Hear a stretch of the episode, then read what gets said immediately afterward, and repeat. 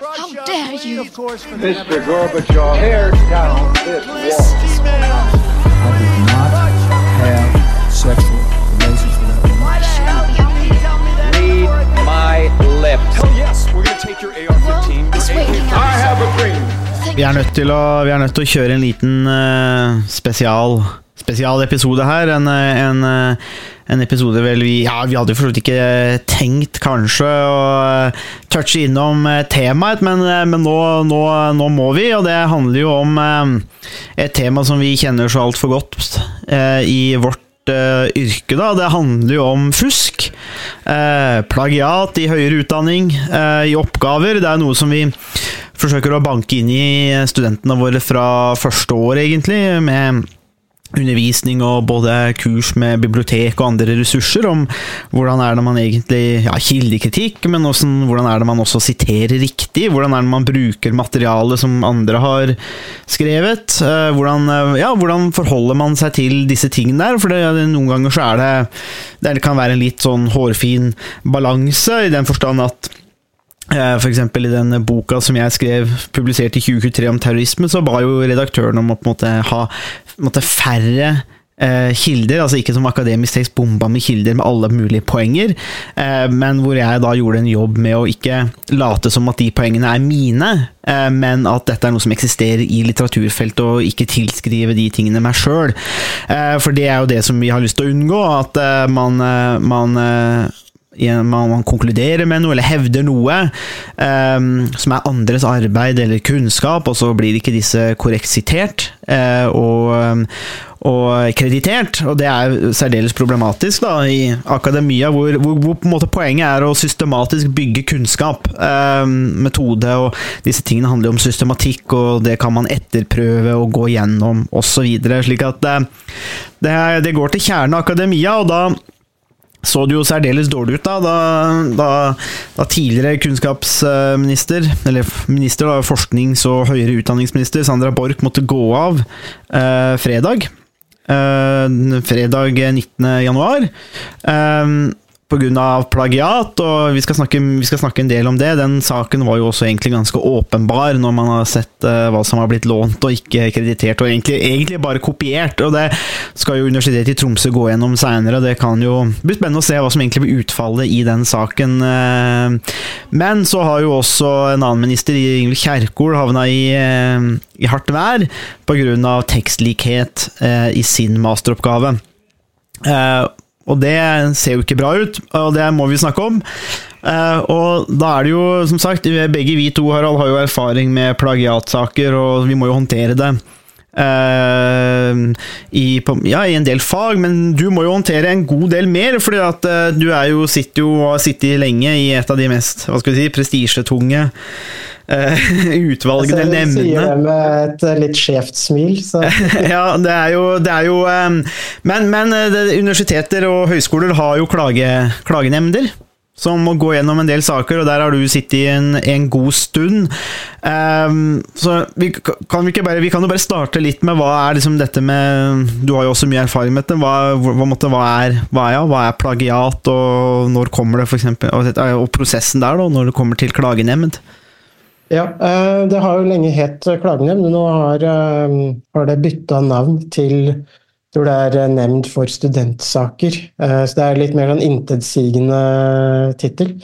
Men innholdet og substansen er det samme. Eh, Så den nemnda jobber med eh, alle saker som har med skikkethetsvurderinger, som gjelder spesielt sykepleie, lærerutdanning og en del andre profesjonsutdanninger, og også alle saker som har med eh, fusk, eh, plagiat eh, og eh, avslag om opptak eh, og en del andre eh, saker som gjelder eh, studentene.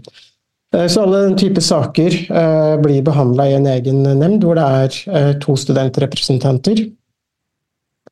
To, fag, to representanter fra de fagansatte, og jeg da er en av de, de fagansatte. Og så er det den eh, ledes nemnda av eh, en ekstern eh, jurist, eh, som ofte er dommer eller, eh, eller advokat. Eh, Så det er vi fem som, eh, som avgjør eh, alle saker som gjelder skikkethet. fisk og plagiat ved Høgskolen i, eh, i Østfold. Jeg kan også bare legge til at uh, Sandra Borch på sin siste arbeidsdag som mm. kunnskapsminister, så var hun jo selvfølgelig på besøk ved Høgskolen i Østfold. mm.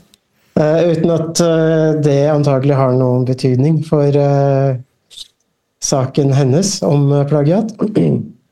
Ja, vi gikk av på topp, da, kan du si sånn Uten tvil. Uten tvil. og det er, jo, det er jo det viktigste. Ja. Eh, så det som, eh, det som er ofte saksgangen i de, de, fleste saker som har med plagiat og fusk er at når en skriftlig oppgave leveres, en hjemmeeksamen f.eks., semesteroppgave, masteroppgave eller lignende, så vil den bli sendt til plagiatvurdering, hvor har hvor høyskolen og alle andre universiteter og høyskoler har en, eh, bruker et eh, dataprogram som sammenligner oppgaven eh, med eh, alle andre eh, masteroppgaver oppgaver som har blitt uh, levert, pluss faglitteratur og mm. kilder på internett og osv. For å se om det er tekst, tekstlikhet. Mm. Om man finner tekstlikhet, så vil så vil det være grunn til å, å, sjekke en oppgave. Det kan enten være hvis det er veldig høyt, høy grad av tekstlikhet, eller det kan være andre ting som er mistenkelig. De aller fleste, eh, så godt som alle oppgaver, vil jo ha en viss tekstlikhet fordi man siterer andre. Mm. Eh, akademiske tekster, eh, lærebøker, fagbøker, artikler osv. Så, videre. så en, en tekst uten Uh, tekstlikhet vil jo være ofte en veldig dårlig tekst, eller en, uh, en tekst som kanskje får et stryk fordi den ikke er Det er en, på en, en, en akademisk fagtekst. Mm. Uh, så det at det er tekstlikhet i seg selv, er ingenting som, som er problematisk. Det hender jo vi får, det hender jo vi får eksamens altså i disse programmene, det gjelder jo alle eksamener. ikke sant? Dette er jo ikke bare bachelor- eller masteroppgaver, det gjelder jo alle eksamener som, som leveres. Så får vi jo opp treffprosent. Eh, de markeres også grønn, gul og rød eh, for eh, på en måte en sånn alvorlighetsgrad, men de sier jo ikke noe i seg sjøl, egentlig, så man må ofte inn da, og lese. Og det gjør vi jo når vi, når vi ser på ting. Og da har man jo ofte, som du sier, det er en tekstikhet, særlig hvis oppgaver som hvor, hvor det er bruk av leksikon, f.eks., og det er naturlig, så slår jo det veldig ut på en sånn type plagiatkontroll, men det filtrerer jo vi da ganske greit ut, for da ser man jo at ok, det her er jo ikke, er ikke det, eller ja, det er ikke plagiat det handler om, men det er liksom noe med kildene, og noen ganger så er jo oppgavens beskaffenhet. litt sånn at det, det gir disse resultatene òg, da. Slik at det er, ikke, det er jo ikke svart-hvitt, uh, dette om det kommer opp på en plagiatkontroll, da. Uh, så det, man gjør uh, hvis man fatter mistanke om plagiat, så vil man jo sammenligne oppgaven som er levert inn, med de stedene som, som, det er hentet tekst fra. Og det kommer opp på en ganske oversiktlig måte i de, den programvaren som, mm. som brukes. Og da kan man ofte ganske lett avgjøre eh, om eh, man har brukt eh, anførselstegn, eller på en måte om det er sitert og henvist riktig. Eh, og det som ofte går igjen i mange eh, plagiatsaker, er jo at eh, det er relativt lange, sammenhengende tekstdeler som er ofte kopiert fra andre tekster. Så man har rett og slett, det er rett og slett klipp og lim Mm. Det er, ofte den vanligste måten eh, man, eh, man, man, eh, den vanligste måten å plagiere på. Mm. Da er det jo ofte andre eksamensoppgaver som er levert inn tidligere, enten i samme universitet høyskole eller andre steder. Mm. Det er jo en klassiker. Noen ganger så er det fra vitenskapelige artikler, eller fra leksikon, eller fra Wikipedia, eller ja, det kan være hva som helst. Og det er jo nettopp og Borch sin sak er jo en veldig sånn, klassisk eh, plagiatsak, hvor det er om lag 20 eh, som er hentet fra tidligere leverte eh, masteroppgaver. Eh, og det er en type plagiat som man ser veldig eh, Som kanskje er noen av den mest vanlige mm. formen for, eh, for plagiat. og det da vil, eh, vil, det ofte være noe som er vanskelig å bortforklare eh, for eh, den studenten det gjelder. Og da vil studenten kalles inn til et møte med administrasjonen og eventuelt faglærer. og bli bedt om å forklare hvordan tekstlikheten kunne, kunne oppstå. Mm. Eh, og så vil den videre prosessen være at administrasjonen, eksamenskontoret, eh, vil forfølge saken, og dersom de mener det er eh, forsett, og at det, måte, her er det, her er det eh, plagiat, så vil de forberede en sak som, hvor de anbefaler en bestemt reaksjon, og standardreaksjonen er annullering av eksamen og ett års utestengelse, altså to, to semestre. Så kan man justere den reaksjonen litt, avhengig av både alvorlighet, eh, om det er en første semesterstudent eller om det er en masterstudent osv. Mm. Og man stiller streng, mye strengere krav til en masterstudent enn en førsteårsstudent. Ja. For det her er jo også, handler jo liksom også litt om at det er et håndverk man, mm. man skal, skal lære. Selv om man som student ikke trenger å frykte at ved å gjøre noe feil, så vil man få en plagiatsak eh, mot seg. Det er først hvis man bevisst eh, jukser og bevisst klipper og limer fra andre tekster, at eh, det vil være fare for at man får en plagiatsak. Eh, Så unge studenter, nye studenter, trenger ikke, å- bør, ikke, bør absolutt ikke være redde for at de på en måte kan få hele framtiden ødelagt hvis de gjør en feil. Eh, det er kun hvis de, hvis de begår, eh, altså hvis det er bevisst og fors, forsettlig, eh, man gjør det med vilje, at man vil kunne få en pla plagiatsak eh, mot seg. Og så er det jo da mye mer alvorlig når man da kommer til et masternivå, for da skal man jo ha gjennom, gjennom allerede over fire år da, eh, lært det her, og det kulminerer jo en masteroppgave. Ma- Masteroppgave er jo et vitenskapelig verk, det, det står jo ikke aleine. Du kan jo ja, masteroppgaver er jo på en måte det, det er mye mer enn bare et vanlig fag, ikke sant? og mange bruker det kanskje som et springbed videre. og Det er jo forskning som man ofte altså Jeg har jo vist masteroppgaver i min egen forskning, altså gode masteroppgaver som er gjort forskjellige steder. For det er jo masterstudenter som får tid til å sette seg inn i materien som, du, som jeg ikke ville hatt, ikke sant? og så, så ser du det. Så, det, så masteroppgave er veldig viktig, da. Eh, og, og da forventer man at man skal kunne det. og da kan, da kan vi jo egentlig bare, altså, helt, bare helt kort gå inn til Vi trenger ikke snakke så mye nødvendigvis om tilfellet med, med, med Sandra Borch, men, men den er jo egentlig, som du sier, da, veldig klassisk i den forstand at eh, her er det jo en eh, student eh, som bare har rett og slett eh, ja, eh, ikke starta tidlig nok med masteroppgaven, eller hatt de rette egenskapene eller, og, i diverse omstendigheter, og nok måtte ha tatt noen snarveier for å få til innhold. Og har jo da lest eh, masteroppgaver, eller eh, søkt gjennom andre masteroppgaver, og så tatt den gode gamle klipp og lim. Eh, I en litt sånn urovekkende Til en urovekkende grad òg. Altså det er så åpenbart. Det, det, det, det tenker jeg ble reflektert i Borchs da hun gikk av òg, som var rett og rimelig, særlig når du har den posten du har. da, da Hun sa også at det var tekstlikhet, og eh, uten, å, uten å gå inn videre inn på det, eller sånt, så det kan godt hende det er mer. Eh, og da, da, da det, det forteller jo på en måte alt. altså Her er det antageligvis mer tekstlikhet enn det som allerede var funnet, og hun er klar over det. Eh, og da er vi jo på en måte inne i en sånn clear cut plagiatsak. da, så eh, det er jo På en måte så representerer hun, hun på en måte den jevne fusker. da.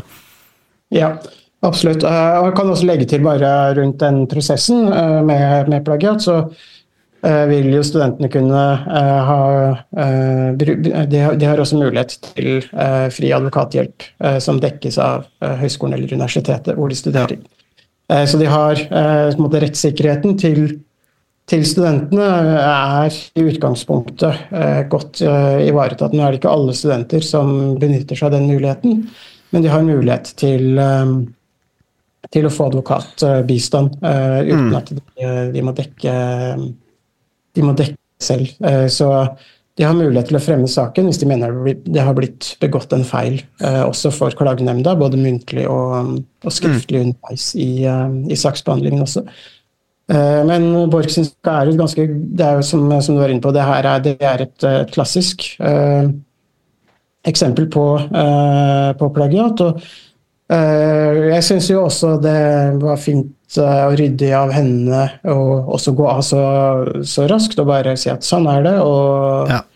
jeg går av. Det er på en måte mye bedre enn å dra det ut uh, over en, en lengre periode. Og så er det jo Nå er det jo også uh, saken til uh, helseministeren, Kjerkol, er jo kanskje også litt annerledes enn eh, saken til Borch. Eh, for Borch, der var det jo veldig tydelig, mens hos Kjerkol så er det jo eh, er det noen forskjeller. Og så er det spørsmål hvordan de, eh, hvilken betydning de, de forskjellene eh, slags betydning de forskjellene vil ha til syvende og Vi kan jo gå inn på den Kjerkolen et etterpå. Jeg bare tenkte å si Det er jo noe som sikkert da lurer på hva i alle dager har skjedd i sensuren, f.eks. ved Universitetet i Tromsø med denne oppgaven til Borch. Men der vil jeg bare si at eh, som sensor så er det ikke nødvendigvis så lett å fange opp fusk eh, eller plagiat. Hvis der, man, der er jeg egentlig avhengig av plagiatkontrollen, med mindre eh, det er en masteroppgave for eksempel, som jeg skriver om bekjempelse av terrorisme, hvor jeg har veldig god oversikt over faglitteraturen,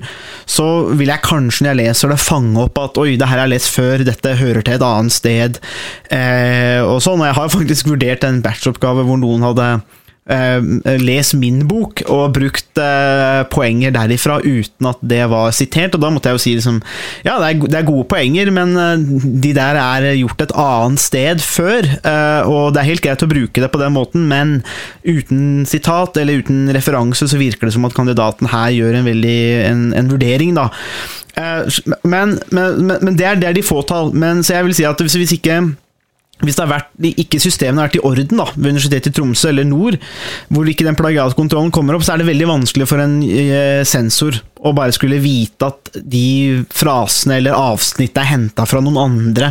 Fordi du har, du har- mest sannsynlig ikke lest de masteroppgavene sjøl, og, og om du har lest en masteroppgave for fem år siden, så, så husker du ikke de Du husker ikke avsnitt. Slik at eh, her er man, her er man egentlig prisgitt systemet òg, da, eh, og ikke sensurvurderingen, på en måte, fordi det Nei, som sagt, det er umulig med mindre man har Med mindre det kommer noe som du har veldig god kjennskap til. da. Og så er det, er det også sånn at uh, den programvaren blir jo gradvis bedre og bedre. Så uh, nå er det jo ti år siden Borch leverte sin uh, masteroppgave. Og uh, antagelig så er programvaren som de bruker i 2024 bedre enn i, Ja. enn i 2014 også. Så, så det er på en måte en, en teknologisk bit som, eh, eh, som har en stor betydning her også. Ja. Det er jo, så den Borch var egentlig veldig grei, eh, og det var jo bare altså det var jo, som, som, som sagt, jeg tenkte dette er jo nok et eksempel på en litt lat student, som har ikke på en måte har gapt over for mye, eller ikke evner det, og, og må ta noen snarveier der, og det er på en måte den, den, den klassiske, og eh, ja, noe mer er det ikke noe å si om det, jeg synes Sandra Bark, altså, alt er på en måte i den pressekonferansen, og det, at hun, det er ryddig det at hun går av, og gjør det uten noe tull, og ikke noe sånn der, eh, ja, veldig bare sånn korrekt. altså Du veit jo sjøl hva du har gjort, og da er det like greit å bare ta hatten og gå og ta ansvaret for det. og Det er på en måte, altså det er jo ikke noe, det er jo ikke noe ende på verden, det her. Det er bare at du har liksom juksa, da kan du ikke sitte i den jobben du har, da. ikke sant? Det er jo det. Så det blir spennende å se hva som er vurderingen. Jeg er litt spent på om, om de annullerer graden, eh, og hva, de, hva som er grunnlaget for det, eller om de gjør det. fordi det er jo klart at eh, kan du være jurist hvis mye av ma- masteroppgaven din er basert på, på andres ting, og du ikke har gjort jobben? Jeg, eh, jeg tenker vel kanskje at eh, det ikke er helt bra, da. At man gir det inntrykket, liksom. At man bare kan overleve da. Ja, hun kan jo være politiker, da.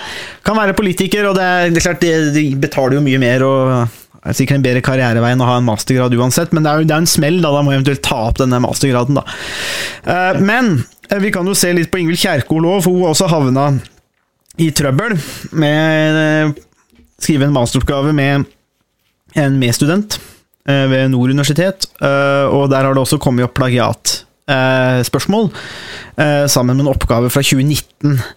Eh, og der er det flere ting uh, som er litt sånn av ulik uh, alvorlighetsgrad. Jeg har sett NRK har jo lagt opp liksom sier at det, var sånn 2-3% eller noe sånt noe, i, i noen av tilfellene av, av plagiat. Og jeg har sett gjennom, jeg har sett gjennom da. Uh, og så har jeg sett gjennom de der det også er liksom direkte kopiert, da. Eh, og mye av det handler jo om metodebruk, altså dette med at eh, noen forfattere, sånn som eh, Tagore, da, sier at målet med en studie er å gjøre sånn og sånn, og og det er gjentatt i begge, eller i begge masteroppgavene. Og det tenker jeg For meg så vil jeg si at det er nokså uproblematisk.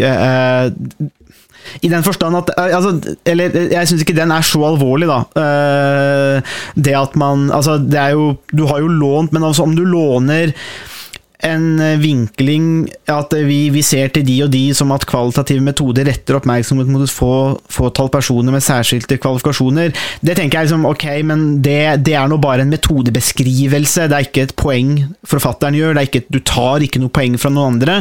Det er bare en, gjennom, altså en kopi av en, noen som har skrevet det. Det er latskap. Altså, jeg vil si det er latskap, og det, for meg, i en helhetsvurdering, så trekker det jo ned at man gjør det, men men, eh, og jeg så også at eh, de snakka litt om denne var det SID-metoden der til Aksel Tjora.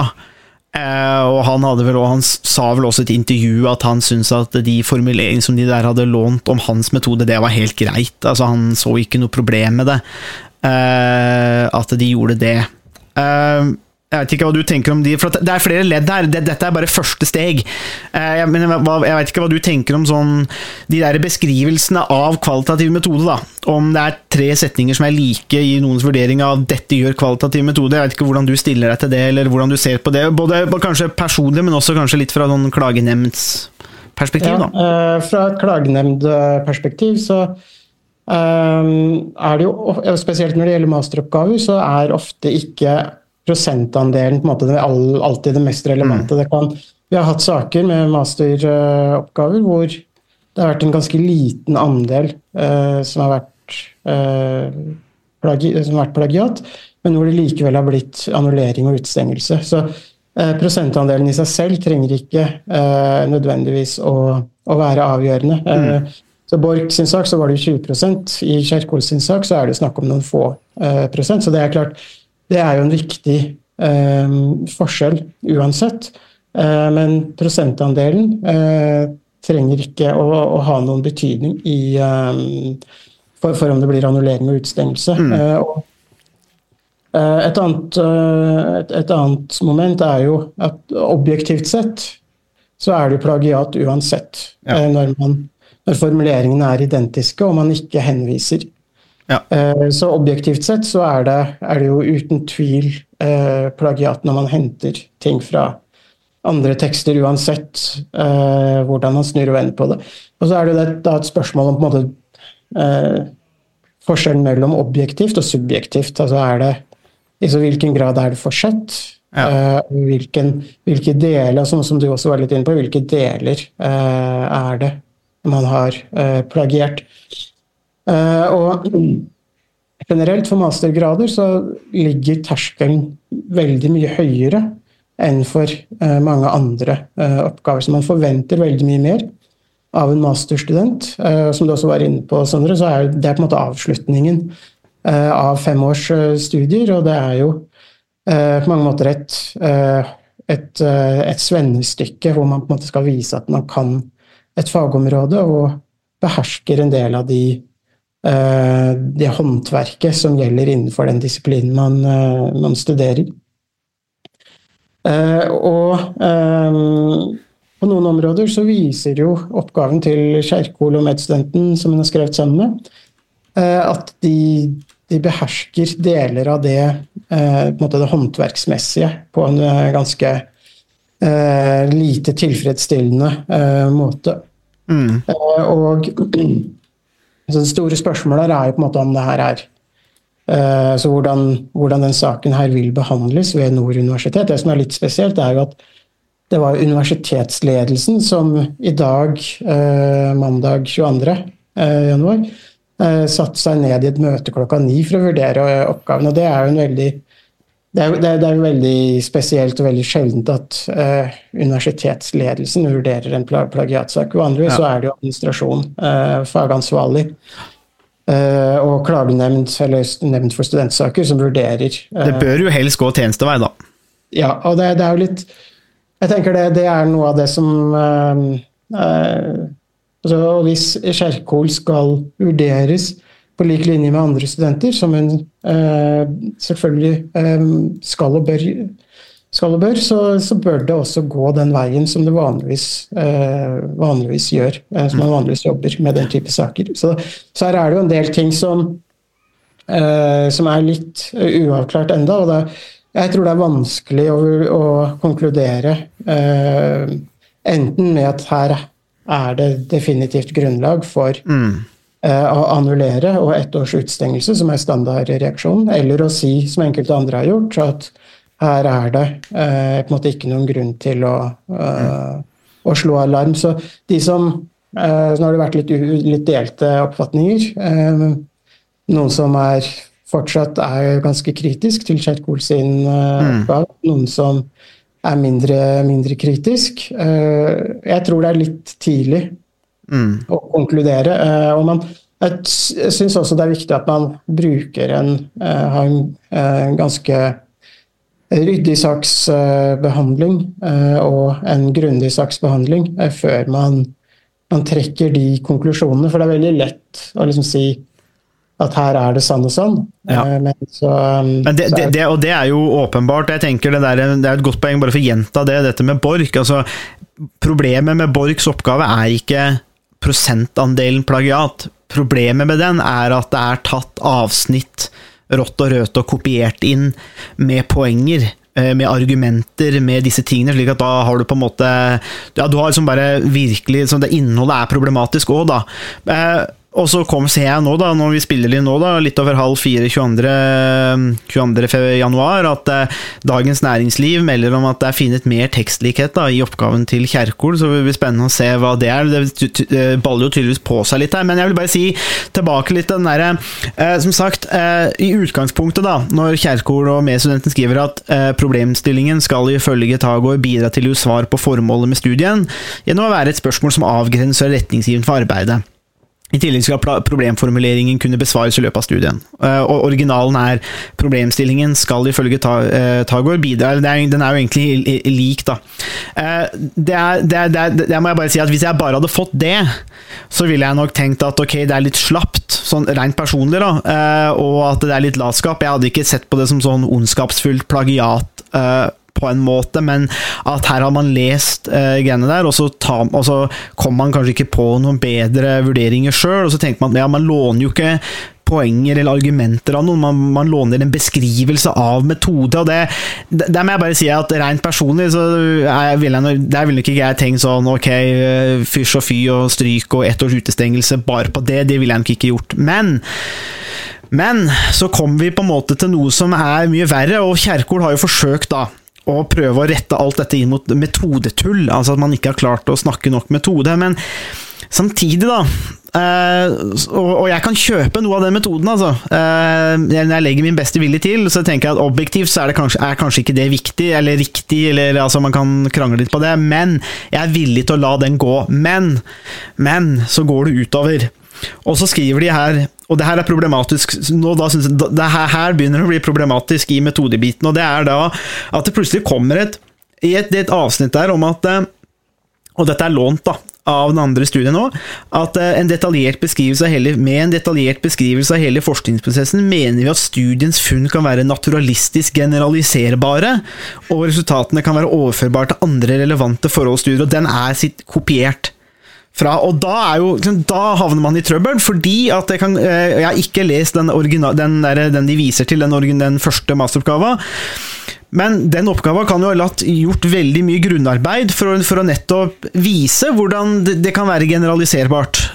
Um, og her, det ser, jo, det ser jo ut til at her har man lånt mye metode, og dermed antar at det, den, den har på en måte den samme gyldigheten. da. At den er like gjennomsnittlig. Og da føler jeg at da har man gått over et nytt Litt nytt, fordi at det, da blir det plutselig mer alvorlig. Da er det ikke bare sånn vi har lånt beskrivelse, men når det kommer til generalisering og konkludering, da er man plutselig inne i noe som eh, har noe med funn å gjøre, med analyse å gjøre, og da syns jeg ikke den her står like støtt. Nei, jeg er helt enig i det. Den formuleringen er ganske eh, problematisk. Man, eh, for, det betyr jo egentlig at man eh, har kopiert eh, noe av på en måte det idégrunnlaget, eller på en måte det Ja. Det som gjelder eh, problemstilling, løsning, konklusjoner eh, fra en, en annen oppgave. Nettopp. Eh, og det, det vil jo være veldig merkelig at Og det har også vært uh, retta kritikk mot en annen del som, til oppgaven, som gjelder at informantene i Ja, vi skal gå inn på det. sin oppgave også hadde da samme eh, konklusjoner, eller samme eh, Ja. Kom med de samme Uh, samme, my, Mye av den samme, egentlig, man bare kopierte formuleringene fra Ja. oppgave til en annen oppgave om hva informantene uh, oppga under, uh, stu, under, eh, under studiene eller intervjuene. Og det er også veldig problematisk. Så, um, så man kan si at um, uh, Det kan også være uh, problematisk at man, selv der man bare uh, bruker formuleringer som på en måte beskriver en metode eller andre ting, det kan også i seg selv være ganske problematisk. fordi selv om man bruker den samme metoden, så vil problemstillingen ofte være annerledes, og det gjør at man ofte må tilpasse eh, den metoden man bruker, til den studien man skal, eh, skal gjennomføre. Mm. Eh, Så selv, selv beskrivelser av metode som kanskje er, ofte er ganske standard, kan også potensielt sett være, eh, være ganske alvorlig. Eh, så her er det, det er liksom, Når man begynner å grave i det, så vil man ofte finne at Mm. Hvorfor det er problematisk, og hva som gjør det problematisk. og at eh, man, som, at studenten som er eh, anklaget for plagiat, ofte har hatt mer enn bare noen snarveier for å få en, noen raske formuleringer eh, for å få skriveprosessen til, å gå, til å gå litt raskere. Ja, for det er jo hvorfor i alle dager eh, på en måte skal den, deres studie være ja, på ha den som nat være naturalistisk generaliserbar og overførbar, og så er jo det i det altså det er jo eh, Ja, nei, altså hvorfor skal det på en måte være det? Det kan jo hende at det er eh, grunn til det, men jeg ser at i den andre oppgaven så er det gjort en del flere vurderinger rundt dette. Og, eh, men men det, jo, det blir jo veldig, poenget er at uten å konkludere, så blir det veldig påfallende her eh, at det er veldig mye likhet. Og så er spørsmålet når du det, det bildet som da tegner seg som negativt for Kjerkol og medforfatter, er jo det at eh, hvis metoden Du har lånt beskrivelser av metode, og du låner på en måte og kopierer da direkte inn fra en annen oppgave, på en måte overføringen og generaliseringen, da reises det jo spørsmål her om selvstendighet. Eh, Det må det gjøre. Eh, Da må man jo gå inn i oppgaven mer helhetlig da for å sjekke selvstendighet, men, men, eh, men eh, om noe så ser det i hvert fall veldig oppgave, En sånn oppgave vil jo uansett se veldig mye tynnere ut, eh, basert på det vi har sett nå, da. Uh, Og, og det her er jo også, jeg tenker, uh, Mye har jo dreid seg om tekstlikhet i diskusjonen uh, så langt. Men det kan jo også være plagiat uten at det nødvendigvis er tekstlikhet, men hvor man kopierer ja. noe som en annen eh, undersøkelse, en annen eh, bok eller tekst har gjort, eller en annen studie, vitenskapelig studie, eh, og på en måte presenterer det med litt andre ord som sitt eget eh, arbeid. Mm. Så- det, man er ikke avhengig av at det er 100 tekstlikhet. Men det, men det tar jo så da inn på sant, dette med de utdragene som du nevnte i stad, med disse informantene. For der har det vært veldig mye vekt på dette med, eh, med tekstlikhet. Men det er noen her som er mye mer alvorlig, syns jeg, da. Eh, Men det ene er jo det at det er en oppgave fra 2015 som snakker om at eh, informantene trekker frem, de trekker frem da i samtaler, at vold, det, er, det er en voldsom utvikling som skjer innenfor teknologifeltet. De opplever at de ikke rekker å snu seg, for det har kommet noe nytt på banen. og tenke seg til, i oppgaven noen år seinere finner Kjerkol og medfatter med, nye informanter, som sier da at den voldsomme utviklingen som skjer innenfor teknologifeltet, de opplever at de ikke rekker å snu seg før det har kommet noe nytt på banen. Det er jo, er jo på en måte Ja ja, om, om noe så kanskje det styrker da, dette inntrykket da, om at folk ikke rekker å snu seg. Det kan jo være en styrke, det, men det fortsetter jo at, eh, at eh, informantene, eh, sier Kjerkol, ser på velferdsteknologi ikke bare som et supplement, men som et nødvendig og velkommen tilskudd til eksisterende arbeidskraft. Men så kommer det jo, da, der ansatte og teknologien står i en relasjon til hverandre. Alt dette er da likt da, fra oppgaven fra 2015. Og så skriver den oppgaven fra 2015 at denne relasjonelle ontologien danner også utgangspunkt for vårt syn på teknologi. I det vi mener at mennesker og ting står i et produktivt utviklingsforhold til hverandre. Jeg er litt sånn litt usikker på bruken der, kanskje av relasjonell ontologi. Eh, men det er noen spørsmål der. Poenget at det er fryktelig tungt. Altså det å gå inn på spørsmål om relasjonell ontologi det er jo herlig filosofiske spørsmål, på en måte, og eh, krever jo ganske mye eh, å pakkes ut. Eh, men, og her syns jeg det blir alvorlig, fordi at det å bare overføre, kopiere noe som handler om relasjonell ontologi, så eh, det gjør du ikke. Altså Én ting er å kopiere Vi har brukt samme metode. Den, den kunne man til en dels kjøpe. Men når man er inne på så dype spørsmål det, det skal veldig mye til da, for at alle disse ser på ting helt likt og vurderer saken helt likt, og bruker de nøyaktig samme vurderingene. Og da tenker jeg at det som, igjen da, det bildet som tegner seg, for det er ikke nødvendigvis tekstlikhetene som er viktig, men når det er manglende systematikk og selvstendighet i metode, så kommer det manglende Kanskje tegn på manglende selvstendighet og systematikk med informantene og funn. Og da tenker jeg at den saken blir, blir plutselig veldig mye alvorlig, selv om det ikke er snakk om mange linjene. Så er det fortsatt veldig alvorlig. Ja, jeg syns det er et veldig viktig poeng. og uh, Det stiller spørsmålstegn ved hva er det som er originalt med oppgaven til, uh, til Kjerkol. Altså, er det et eget uh, faglig bidrag, eller er det et bidrag som bare egentlig gjentar og kopierer det som tidligere masteroppgaver har funnet? og når når jeg satt nå og hørte du lese opp noen av de tekstutdragene hvor det var likhet, så tenker jeg at Altså På en måte så kunne man veldig lett unngått å komme i den situasjonen her. For man kunne sagt at tidligere studier har uh, funnet at uh, informantene sa sann og sann om teknologi. Vi støtter dette synet, og i tillegg vil vi argumentere for at teknologien har akselerert, eller det har gått raskere, eller at eh, bla, bla, bla. Altså Da hadde man henvist til tidligere forskning Uh, og man hadde vist at man bygger på tidligere forskning, og at man i tillegg tilfører noe nytt. Da kunne man, da man måte, med noen litt sånn enkle formuleringer som det, så ville man kunne unngå hele den situasjonen her. fordi da hadde man henvist, som man skal, til tidligere oppgaver. Og man hadde også tydeliggjort hva som er mm oppgavens eh, originalitet og selvstendighet, og hva oppgaven tilfører av ny kunnskap. Mm. Når man bare har kopiert, eh, og ikke skilt eller vist hva som er ens eget bidrag, så framstår det sånn som det sier, at det er, man stiller spørsmålstegn ved selvstendigheten. Mm. Man stiller spørsmålstegn ved hva som er bidraget og hva som er originalt. Eh, og, og det, er et, også, det, er jo et, mye mer alvorlig spørsmål enn bare tekstlikheten. og veldig mye av den det som har vært diskusjonen så langt, har jo bare gått på akkurat denne tekstlikhet, men det er lett å se seg litt blind eh, mm. på akkurat liksom, ord for ord. Eh, fordi det handler jo mer om substansen og innholdet i selve oppgaven, og ikke bare, og ikke bare om det er kopiert ord for ord.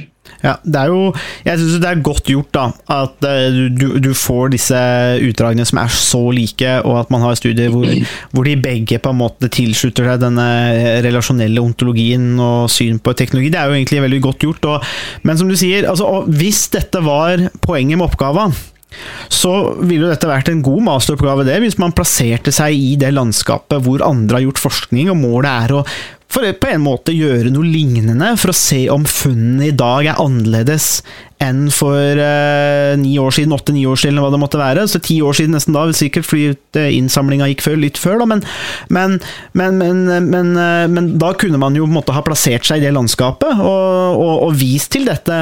Eh, men det fordrer jo da at det er et selvstendig arbeid, eh, og det, som du måtte, det man får følelsen av, at det er ikke det. Men så er jo spørsmålet, da VG har jo stilt spørsmål til Kjerkol om at eh, fordi hun skriver i masteroppgaven at de har 34 sider transkripsjon lagra.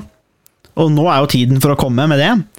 Eh, det skal jo lagres, jeg vet ikke hvordan det er i Norge med masterstudier. Eh, det eneste jeg har gjort, er jo i min doktorgrad så jo jeg, gjorde jeg intervjuer eh, med norske ambassadører og politikere. Og der måtte jo transkriberte dokumentene pluss lyd, originale lydfilene, da. De ligger, jo da, har ligget lagret da i New Zealand. Ved universitetet der, altså de, der, må, der måtte det lagres i fem år. Uh, og, og, noe av det har jo med at ja, kommer man opp i sånne situasjoner, så kan man jo grave fram lydfilene og si at jo, men hør her, det var det du sa. Eh, jeg har det på tape, og du signerte også en avtale om at det var greit at vi intervjua og, og, og disse tingene. Så, så på en måte overrasker det meg kanskje at ikke Kjerkol, hvis hun har dette dokumentet eller filet liggende, at ikke bare sånn ja, men her. For det, ville jo på en måte drept mye av den diskusjonen her, hvis du kom med det med en gang og bare sa liksom her er filene. Uh, her ser du hva vi har snakka om. Uh, og det, men det kan jo hende det kommer, vi må jo håpe det men, uh, for, for, hennes del. da men, men, likevel så ser det jo ikke så, så bra ut. da og akkurat nå, nå Hun blir jo drevet litt fra skanse til skanse, og da det, ja, nei, det, det, ser, ser, det, ser, ikke så bra ut, og ut fra, har, ut fra, det jeg har lest, og det vi kan se, så er det uansett nok Det er jo åpenbart at her er det røde flagg som gjør at det må gjennomgås uh, skikkelig på nytt. Det er det vel ingen tvil om. Ja, og jeg håper jo egentlig at uh, Nord universitet gjennomfører en vanlig saksbehandling uh, for den oppgaven til, til Kjerkol, som, som de gjør med alle andre oppgaver hvor de har mistanke om, eh, om fusk, for, for, at det skal være den samme grundige saksbehandlingen som eh, mm. med andre saker. Og det er ikke nødvendigvis sånn at uh, universitetsledelsen i seg selv har noe spesiell kompetanse innenfor fusk- og plagiatsaker. Og da kan det være bedre at man, man bare overlater det til til vanlige saks, disse vanlige saksbehandlerne som, som jobber med den, den, type saker, og la det, la de behandle saken. Det vil jo nødvendigvis kanskje bety at det tar litt lengre tid. Mm. Uh, men det, det, får nå i så fall bare, bare være. Mm. Jeg ser at uh, Kjerkol og nevner at det, det, det, har blitt tull i redigeringsprosessen av oppgava, og at eh, det var ting som skulle vært eh, med referanse som har blitt stående igjen, men som ikke har blitt eh, kommet med referert i et ferdig dokument. Noe som jeg uansett kanskje, kanskje, er rart, hvis du allerede er klar over at du viser til noen. Så vet jeg ikke helt om jeg hadde tatt ut det, hvis jeg visste at jeg brukte hvis jeg brukte borgerbuden to steder, og så redigerer jeg og flytter på noe tekst, at, og det gjør man jo, eh, men jeg hadde kanskje ikke tenkt at ja, jeg tenker å la det stående, men jeg fjerner eh, referansene. Det synes jeg virker som en litt merkelig vurdering, men, eh, men, men, men, det får vi se. Men også ser jeg også at det er jo andre eh, førsteamanuenser og professorer som på en måte faller på litt ulik side her. Noen mener at det bare er slurv, eh, og at det er kjedelig, og at det ikke bør havne som plagiat. men men det jeg tenker kanskje er mer alvorlig, er, men da må man jo gjennomgå det her på en, på en ordentlig måte. Altså det, og det er det jo bare universitetet der som kan gjøre, egentlig, for det er de som har myndigheten til det òg. Men, men, dette med at det er den derre Det er det hvor unike er dataene uh, som er samla inn. Uh, fordi uh, det vil jo uansett være utrolig at unike informanter gir akkurat samme svar, og man konkluderer helt likt med tekst som da blir lånt. Altså det er jo det er jo godt gjort, og, og, og, det jeg ikke har sett, er at jeg har heller ikke sett noen um, erkjennelse av Eller det er ikke gjort et poeng ut av at den studien fra 2015 har på en måte blitt Eh, prøvd på nytt, og at man finner de lignende tingene, for det ville jo vært et kjempefunn. Uh, og det tenker jeg liksom at mm, Hadde man visst hva man gjorde, så tror jeg kanskje det hadde vært et av funnene man leda med. At uh, dette synet har satt seg, og hva sier det om organisasjoner og teknologi osv. Når ikke det er gjort, så er spørsmålet ok mm, ja, nei, det, jeg, Da, da syns jeg det lukter litt, uh, litt fishy, kanskje, men vi skal, uten å konkludere. For vi har jo ikke alle bevisene, men jeg syns ikke det lukter jeg, jeg skjønner at det er grunn da, til å se på det. Ja, absolutt. Ehm, det, det er det uten tvil. Eh, så er det, ehm, er det opp til Nord universitet å, å avgjøre, avgjøre, saken, eh, som sikkert eh, kanskje kan ta litt tid. Men kan også hende at de vil forsøke å gjøre saksbehandlingen litt ekstra rask, siden det på en måte og Det er også litt spesielt, fordi det er jo egentlig Nord universitet som bestemmer om Kjerkol får fortsette eller ikke. Og Det har også vært noe som har vært kritisert, at det skal jo ikke være et universitet, opp til et universitet om man har uh, en helseminister eller ikke. Det, mm. Nei, nei. Uh, her er, det, her er det, jo, så det er på en måte to ulike spørsmål. Det er på en måte det rent faktiske med oppgaven, og så er det på en måte det politiske som kommer i tillegg. Ja.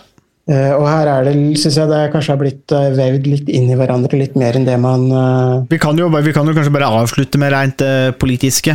Uh, ja, det er jo Det har jo vært noen, det har vært noe kritikk. Eh, Vi har jo på en måte sett Sylvi Listhaug vært ute og kritisere regjeringa. Jeg føler likevel at Listhaug kanskje er den siste, uh, og Frp er de siste som burde kritisere noen for å ha en litt kaotisk regjering, etter at Ja, de spiste jo justisministre. Eh, og Listhaug måtte også gå på, på noe som ikke var slurvete, men som var rett og slett, eh, som jeg vil si var utrolig kynisk og stygt. eh, som hun måtte gå av på. Så hun var den siste, eh, og Listhaug er nå den hun er. Men Erna eh, ja, ligger jo også nokså stille i båten her, og eh, er det av godhet, tror du? Nei, altså, Vi har jo vært inne på det tidligere. På en måte Betydningen av en effektiv opposisjon eh, i et eh, velfungerende demokrati. og eh, Erna Solberg har jo hatt den aksjesaken knytta til Sindre Finnes, ektemannen sin, og hengende litt over seg egentlig siden, siden i fjor, fjor høst.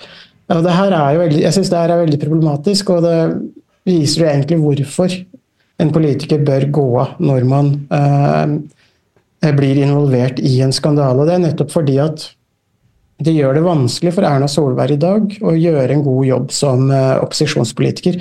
Hun er jo eh, leder for det største opposisjonspartiet og skulle være den som eh, setter dagens regjering til veggs, og som kan kritisere regjeringen når det er grunn til, det. Men istedenfor, fordi at hun har vært involvert i en skandale selv og ikke tatt det politiske ansvaret som det innebærer ved å gå av, eh, så må hun eh, sitte stille i båten. Hun får heller ikke, har ikke muligheten til å kritisere eh, dagens regjering. Så det innebærer at dagens regjering på en måte slipper litt billigere unna skandaler. Fordi at de ikke blir utsatt for den kritikken, den så sterk kritikk som det de kunne og burde, burde blitt. Så man får en svakere opposisjon, som egentlig ikke får gjort den jobben de er satt eh, til å gjøre. For de skal jo være en, en vaktbikkje Mm. eh, ovenfor eh, den til enhver tid sittende regjering. Så, så jeg syns det her viser på en måte et eh, demokratisk eh, altså Forfall er kanskje å ta det litt, eh, litt langt, men vi har jo vært, vært inne på, på en måte en politisk ukultur eh, hos eh, regjering, storting, som eh, eh, fikk utvikle seg i stort monn både med forrige regjering og dagens regjering har jo kanskje tatt det til, eh, valgt å ta det til eh, nesten nye høyder med noen av skandalene eh, som man har vært inne på, eller som, har, eh, som man har sett i norsk politikk de siste, de siste året og vel så det. Så det er, jeg syns det er litt eh, eh, Jeg syns det er litt trist at man har en opposisjon som ikke har muligheten til å gå så offensivt ut som det man egentlig kan forvente eh, i et eh, åpent og et velfungerende demokrati. Eh, Jan Tore Sanner har vært ute fra Høyre, og han er jo en dyktig politiker. Så det er, jo ikke, det er jo ikke det at hans kritikk ikke nødvendigvis er god nok, men eh, man venter jo, forventer jo at lederen for det største opposisjonspartiet kommer med kritikk eh, når det er grunnlag for det. Og når, når det ikke skjer, så er det et, eh, et svakhetstegn både for eh, demokratiet og for det, det, det opposisjonspartiet som, som det gjelder. Mm, det er jo et spørsmål om eh, Ja, altså eh, Er sakene altså, på en måte alvorlige nok, eller hvordan stiller det seg? Men det er jo et større bilde her, da, på en måte hvor Eller det, det jeg tenker, da jeg, jeg, for, som, altså Borch gikk jo av og tok ansvar veldig greit. Den er jo på en måte upåklagelig egentlig nå. um, eh, Men man kan jo, man, man kan jo kritisere. og- Men for, men for meg er det ikke enkeltsakene her som egentlig er så viktige. De er jo ganske små, egentlig. sånn Sett i det store bildet, det som kanskje er litt mer alvorlig, er jo det at eh, man, det går inn i et større bilde her. altså la oss si, altså Nå gikk Borch av, da, men eh, la oss si at, uh, la oss si at saken eskalerer med Kjerkol, men nekter å gå av og trekker det ut og sånn. Så, så er poenget at det tegner seg bare inn i et bilde lenger hvor politikerne hvor man har politikere som gjør feil, som får konsekvenser for alle andre i samfunnet, men hvor man på en måte prøver å sno seg unna eller forklare, og så skal man på en måte Her blir på en måte klagenemndene her blir jo bedt om å kjøpe en forklaring på en måte for noen som har en posisjon i samfunnet, mens for andre, da Derfor har man også kanskje sett at studentorganisasjoner reagerer, fordi at eh, det er ikke den vurderingen eller behandlingen av studenter, og da blir det ikke likhet her, rett og slett, for loven eller likhet for klagenemndene, og eh, og, og da tegner det seg et dårlig bilde. Eh, og det skal man være varsom for, altså hva som skjer der. Og det tenker jeg kanskje er liksom det mest alvorlige her, da. At eh, det, det går nok en gang inn i dette bildet med at uh, man ser ut til å skal være litt unntatt det samme ansvaret. Og når man da på en måte har Erna som sant, burde ha gått av som Høyre-leder, og gått foran på den måten, og man, så, så, så, går det jo ikke an da, å kritisere på en måte det som foregår nå i regjeringa, for man, da skyter man seg jo sjøl i foten litt. Og, så det, det, blir veldig, ja, nei, det blir en, blir en, litt sånn lei situasjon, akkurat det der. Men eh, ja, ja, vi sa en kort podkast om, eh, om, masteroppgaver og fusk. Det blei jo ikke det, eh, for det er jo mye å ta tak i her. Men det er i hvert fall en liten innsikt i vårt arbeid, da, med plagiatsaker og og disse tingene, så da kan det være en slags eh, varsko, kanskje, eller informasjon til våre og andre studenter om litt hvordan man ser på ting og, og prosessen her. For det er en ganske sånn det er en, det er en, balansert prosess. Man skal holde tunga rett i munnen. Og når det kommer til noen disse masteroppgavene hvor man klipper og limer, limer, litt, og sprer på med litt vanskelige begreper som man kanskje ikke forstår Altså Kjerkol er jo nødt til å få spørsmål om denne relasjonelle ontologien som tydeligvis er så viktig for henne. Det er jo første spørsmål ut. Hva, måte, hva legger du i det, og hvordan påvirker det? For ontologi er jo på en måte, det er jo, det er jo synet på hva som hva som finnes, altså hva som eksisterer. og Det er jo et ganske sånn viktig livssyn, eller sånn syn på livet og eksistens, da, hvis man begynner å tenke på det. Så det burde få, burde få alvorlige spørsmål, fordi det finnes mange andre ontologier. Eh, så eh, det ville vært et, et, spennende spørsmål å stille Kjerkol, men det er i hvert fall et godt poeng, og jeg skal avslutte med det, og det er for alle studenter. For å unngå å havne i den situasjonen, det er egentlig ganske lett, men det er å starte tidlig nok, og jobbe godt nok med de tingene du bruker, og lese nok, så går det der tingene der stort sett som alltid godt, men hvis man havner bakpå med litt dårlig tid, og man driver med andre ting, så er det lett å ta noen snarveier som man tenker ikke er så alvorlig, men som eh, fort kan bli det, da. Nå eller en del år seinere. Takk for at uh, du hørte på Statsvitenskap og sånt. Har du spørsmål, kommentarer eller tilbakemelding, så er det bare å ta kontakt på vår Facebook-side, per e-post eller brevdue. Musikken er som vanlig laget av Robin Horvath, og Mats Halvorsen mikser og redigerer podkasten. Vi høres!